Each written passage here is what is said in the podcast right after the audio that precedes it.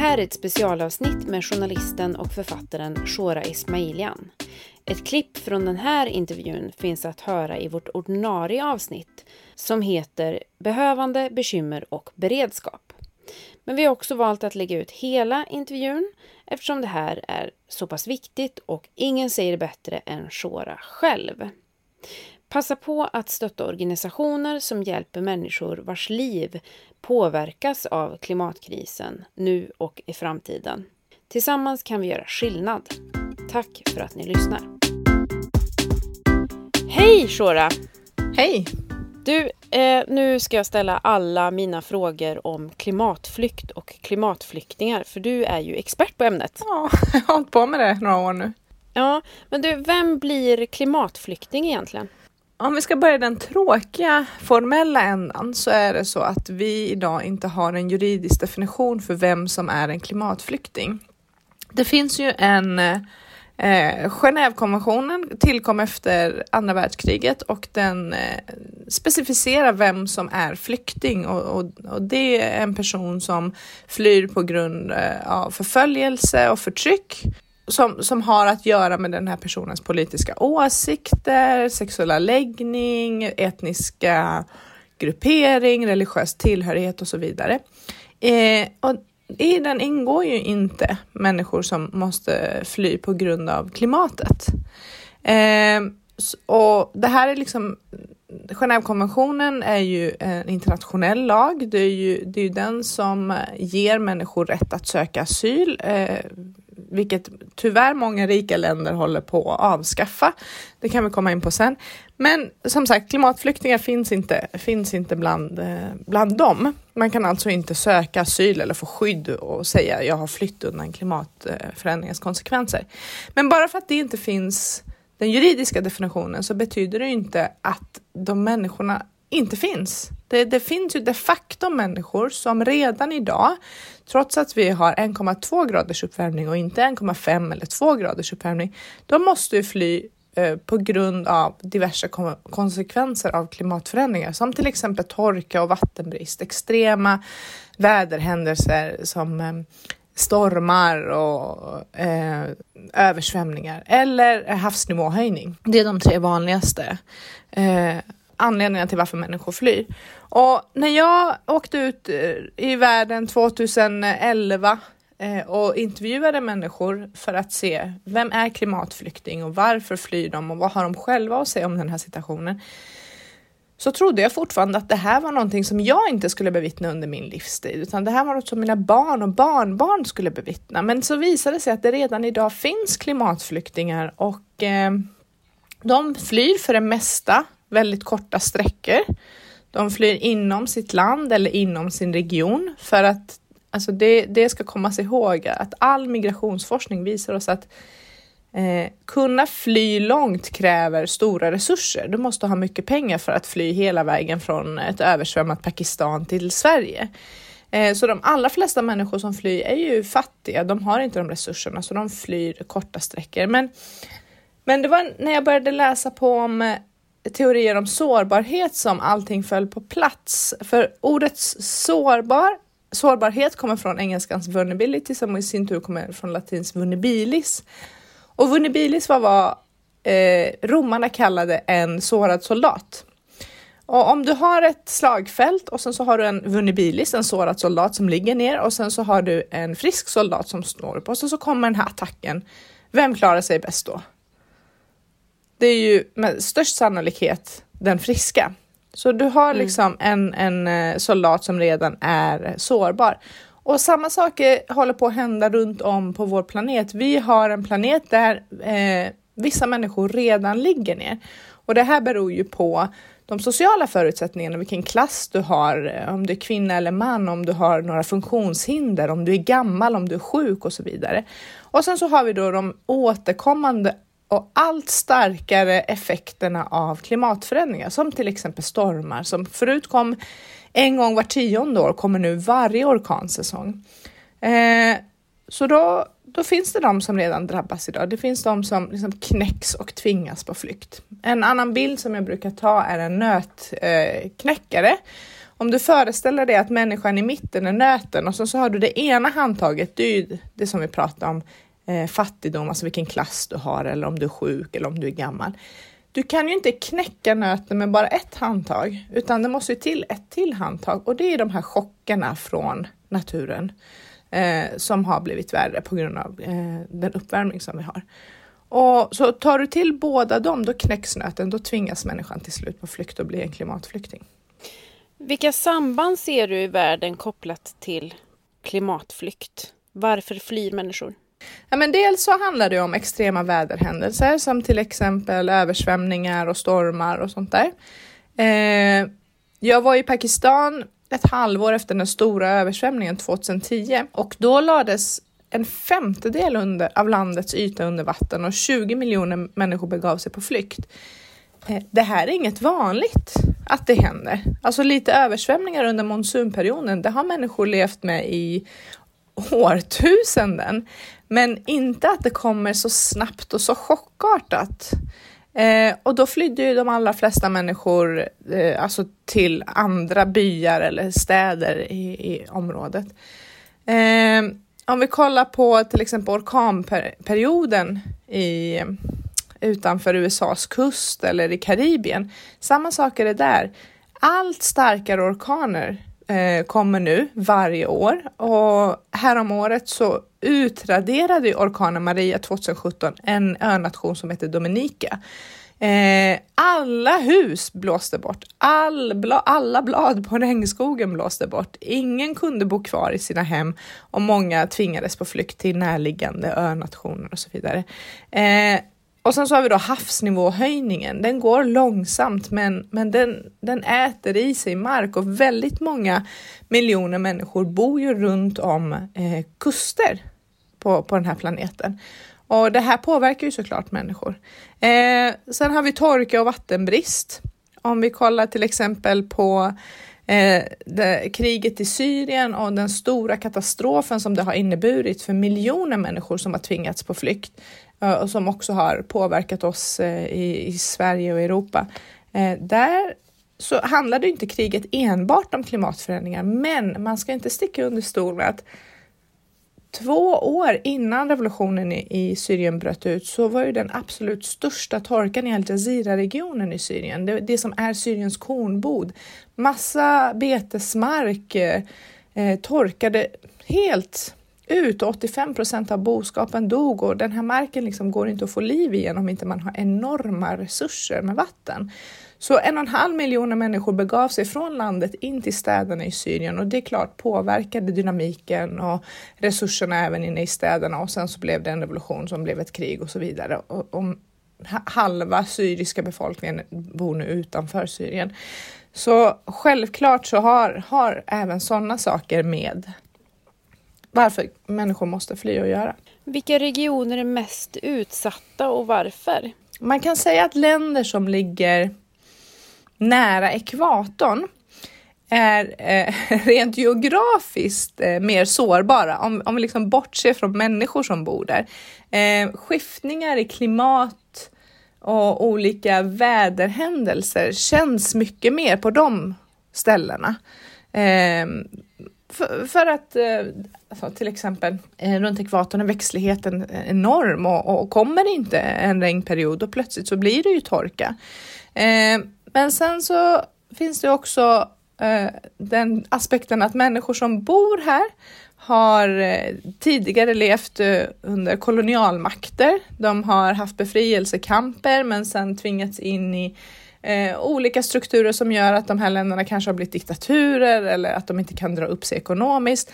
Men också för att den stora delen av den rika världen har lagt under sig liksom, vad ska man säga, deras möjlighet att få, att få utveckla sig. Så då blir ju plötsligt också människorna där mycket mer sårbara. Så dels så har vi att, att klimatskiftningar eh, känns mycket mer på de här regionerna, men också att människorna inte har den buffert som du och jag har. Till exempel om veteskörden brinner upp i Ryssland, vilket den gjorde 2010 då går ju vetepriset, alltså brödpriset, upp några kronor. Du och jag, vi har de där extra kronorna att betala för brödet. Vi kommer inte svälta. Eh, men fattiga bönder i Egypten, de hade ju inte den där bufferten, de där extra kronorna, vilket också ledde till massa brödprotester och det här är ett halvår innan eh, den arabiska våren bryter ut. Så sådana politiska skeenden påverkar också såklart eh, varför människor mm, till slut måste fly. Eh, men, men de samspelar ju hela tiden. Sånt här samspelar så att man kan säga att klimatförändringarnas effekter tar ju fram och förstärker, eh, amplifierar alla orättvisor som redan finns. Jag vet inte om du, du minns eh, Islamiska staten. De gick ju fram väldigt hårt i Nineveplatån där en stor del av eh, Mellanösterns kristna befolkning eh, bor. Människor tvingades på flykt. Det här var 2014, 15 Eh, och eh, nu när Islamiska staten är besegrad så har människorna kunnat flytta tillbaka. Eh, tack och lov kan man tycka. Äntligen får de vara tillbaka där de har bott i generationer. Men problemet är att det är helt torrt. Det finns ingen vatten överhuvudtaget. All odlingsmark har förvandlats till torka. Eh, och det här är liksom, de tvingades på flykt på grund av ett krig. De kom tillbaka men kan inte bo kvar på grund av torkan. Så att allt mm. sånt här påverkar ju effekten av, av varför människor måste fly. Du har ju träffat människor på flykt undan klimatkris. Vilket möte påverkade dig mest? Ja, det var så många. Ehm, um, framför allt så, så drabbades jag av att träffa så himla många starka kvinnor runt om i världen som är de som bär allting på sina axlar. Kvinnor som, som bär sina barn både i magen och utanför magen när de är på flykt och kvinnor som, som föder i diken eller i, i tält som rasar över dem eller kvinnor som äter sist för att deras familj ska eh, få i sig mat och näring. Eh, och runt om i hela världen Eh, och jag var ju i Egypten, i Pakistan och eh, i Kenya och Afrikas horn. Så var det verkligen de här människorna som som inte haft någon som en skuld i frågan, men så, som drar det tunga lasset helt enkelt. Så det var väldigt drabbande. Men det som, det som kanske var den jobbigaste historien, för när jag, när jag intervjuar människor på det här sättet så, så är jag med dem i några veckor. Jag vill liksom lära känna dem. Jag vill också ge dem chansen att, att eh, få ett förtroende för mig. Eh, så det var en familj som jag träffade återkommande i eh, ett slumområde utanför Nairobi som heter Korogocho. Och där bodde eh, en mamma med sin dotter. Hon hade varit boskapsskötare i, i södra Etiopien och efter att ha förlorat alla sina djur, hennes man hade dött några år tidigare, efter att ha förlorat alla sina djur så bestämde hon sig för att med sin då 15-åriga funktionshindrade dotter eh, fly tillsammans med sina två lite äldre barn. De äldre barnen klarade sig. De stannade, alltså de var ungdomar och stannade och jobbade i gränsstad mellan Etiopien och Kenya medan hon gick hela vägen eh, med sin dotter som inte kunde gå på ryggen, hade dottern på ryggen till eh, Nairobi och hamnade i ett slumområde. Där så bodde de i ett litet skjul och hon lyckades få tag på jordnötter som hon sålde på marknaden för att liksom klara av att betala hyran för det här lilla skjulet. Och varje dag så låste hon in sin dotter eh, för att gå och, och, jobba på marknaden. Och en dag när hon kom tillbaka under den här perioden som jag hängde med dem varje dag så, så upptäcker hon att hennes dotter har blivit våldtagen när hon kommer hem. Att någon har brutit upp det här låset och våldtagit henne. Och det här Ja, det var så fruktansvärt för den här dottern, hon var ju funktionshindrad på det sättet eh, att, att hon inte kunde prata så bra och berätta. Men mamman förstod ju vad som hade hänt och hon fick hjälp av Läkare utan gränser att sätta in eh, HIV-medicin och så vidare. Men det som, det som var så tydligt med det här fallet är hur flykt skapar sårbarhet även på andra sidan. Det är inte säkert att det bara blir bra bara för att du flyr. Eh, man, flyr för att man inte har något val. Det är faktiskt så.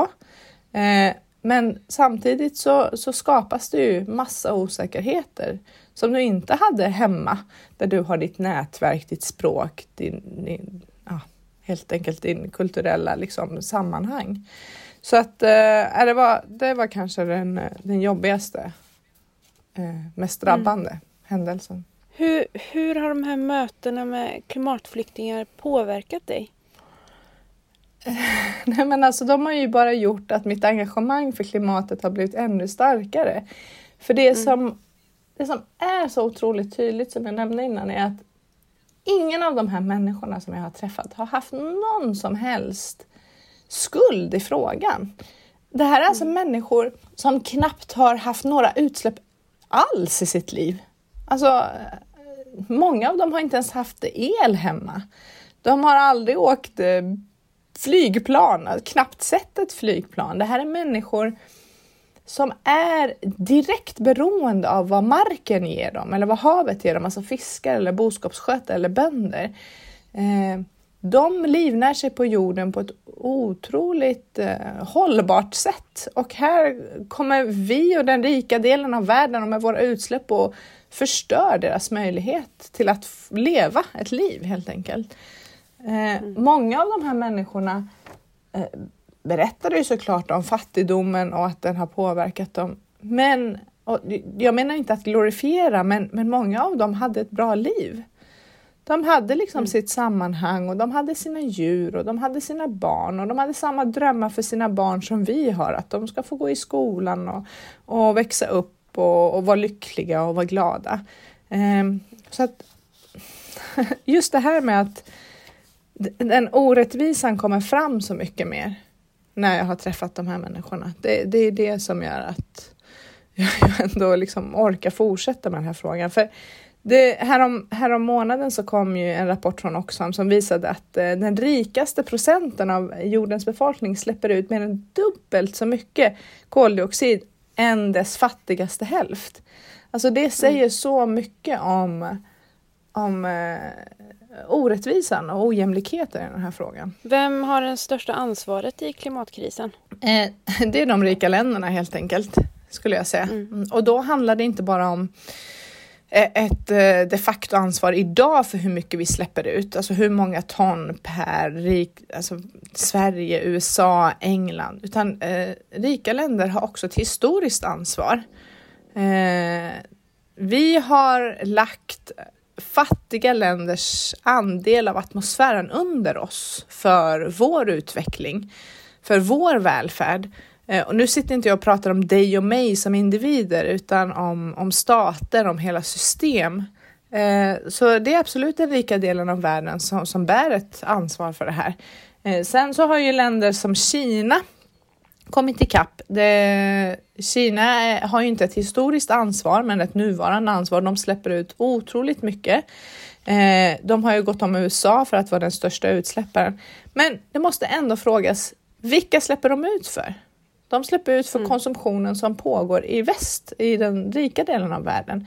Eh, inte att man ska frånta Kina ansvaret för att de startar upp så många kolgruvor eh, per dag. Men eh, fortfarande så ligger liksom det tunga ansvaret eh, hos den rika delen av världen. Jag läste någonstans eh, inför den här intervjun att eh, man pratar oftast om att man delar in världen i två olika delar. Om det är liksom eh, i-land eller u-land. Men du hade liksom en annan indelning i, i, tre delar som jag läste någonstans. Kan inte du berätta om den? Ja men, ja, men det ska man väl säga att den rika delen av världen, det, det är de liksom de som står högst upp och sen så har vi då till exempel Kina som producerar för oss. Och sen har vi längst ner i de absolut fattigaste länderna eller eller ska vi ta önationerna, de här små, små nationerna som kommer utplånas inom ett eller två årtionden som, som verkligen inte haft någon skuld i frågan. Eh, jo, precis, men eh, Kina det börjar bli svårare och svårare att säga att Kina bara producerar för oss eftersom de också eh, skulle kunna eh, lägga om och, och, satsa på förnybart och så där nu när den tekniken är så, så pass billig och, och utbredd. Eh, ja. Men gällande ansvaret, finns det något land som börjar ta ansvar eller på något sätt utmärker sig någorlunda? Eh, nej, skulle jag säga. Alltså, det var ju när Joe Biden valdes till president så var det ju någon sorts eh, eh, fanns förhoppningar. Liksom. Han började med att gå tillbaka in i Parisavtalet och eh, han skrev på massa bra lagar och ja, man trodde liksom att det skulle vara något, men, men nej, det har ju inte hänt någonting och, och Parisavtalet ska bara påminnas är inte speciellt radikalt. Det är allt bygger ju på frivilliga åtaganden från länderna och mm. till och med med de frivilliga åtagandena kommer vi inte hålla oss under en och en halv grad. Eh, sen så kan man ju liksom eh, vara glad över till exempel att Tyskland satsar så otroligt mycket på förnybart. Att det är sol och vind som, som är det stora i Tyskland vid sidan av brunkolet som är jättesmutsigt. Eh, det har ju bara och endast att göra med proteströrelsen som har varit så stark i, i Tyskland. Eh, med Ende Gelände, alltså eh, de här aktivisterna som går in i kolgruvor och stoppar kolutvinning, som sedan ledde till Fridays for Future, har vuxit så mycket i Tyskland och så vidare. Men jag skulle inte säga att, alltså det är bra, det ska man komma ihåg. Fantastiskt att, att uh, Tyskland satsar på uh, sol och vind. Men det är inte så att de har precis tagit sitt ansvar. Mm. Eh, ett, något, något, något, som är helt galet i, i, vår, i vår samtid är ju att vi har ju å ena sidan en galopperande uppvärmning. Den går allt snabbare, drabbar allt fler människor, framför allt i, i världens periferi. Eh, och samtidigt så har vi eh, västvärlden, den rika delen av världen med, med EU och, och, USA liksom i framkant som bygger högre murar, som eh, bygger ännu fler stängsel, som militariserar sina gränser, som, som inför hårdare lagar. Vi har eh, en migrationsöverenskommelse som ska röstas om i Sveriges riksdag om några veckor som går ut på att bara ge eh, inga permanenta uppehållstillstånd, bara tillfälliga uppehållstillstånd. Alltså hur är det möjligt? Vad, vad är det för kognitiv dissonans i våra världsledare där vi ser att Människor har behov av flykt, av trygga platser. Det är dessutom vi som har skapat det här problemet. Samtidigt så, så börjar vi täppa till som vi aldrig har gjort tidigare. Det, det är helt galet. Det är, liksom, det är den upp och nervända världen. När vi som mest behöver eh, ge plats och trygghet till människor och vi faktiskt har plats och vi har möjlighet att ta emot dem. Mm. För vi har ju byggt upp en välfärd på deras bekostnad också. Då, då ska vi här, säga nej. Jag, jag, jag kan inte förstå samtiden på det sättet. Vilka är de största utmaningarna de närmsta åren och vad behöver göras? Nej, men alltså, utmaning nummer ett är ju håll ner alla fossila bränslen i marken. Stäng alla kranar. Stoppa utsläppen. Det är liksom nummer ett det, finns inget sätt att komma runt det. Inte ens eh, de mest avancerade geoengineering, alltså klimatmanipulationsscenarierna kan hjälpa och ta ner upp, alltså, gradantalet så mycket. Det, vi, har, vi har tagit upp otroligt mycket. Det finns massor som ligger i pipelinen av uppvärmning. Så att vi måste bara stänga av kranarna. Det är nummer ett. Och nummer två, det är Alltså så här, de, den rika delen av världen måste betala av sin klimatskuld på något sätt till den fattiga. Ett sätt det är att hjälpa till med, med att anpassa sig till en varmare värld. Alltså ta ett exempel som eh, varningssystem för stormar eller starkare tak, alltså vad, vad det nu kan vara. Eh, den rika delen av världen har ju valt att inte ge så mycket pengar till sådana här projekt, vilket verkligen hade behövts nu för att eh, människor måste anpassa sig till en varmare värld helt enkelt. Eh, det andra sättet att betala av sin klimatskuld är att öppna gränserna. Varför täpper vi till gränserna? Vi har plats, vi har möjlighet. Vi berikas av att människor kommer hit. För människor som flyr har inget val och, och de, gör, de, de sätter sig inte i båtar och åker över Medelhavet och dör i tusentals för att de vill, utan det är för att de måste. Eh, så att det är det andra sättet att betala av vår skuld. Så ja, stoppa fossila bränslen, öppna gränserna, dela med sig av den, den rikedom vi har så att människor ska kunna anpassa sig. Du, tack Shora för ditt enormt viktiga arbete och för att du lyfter fler röster. Tack för att jag fick vara med.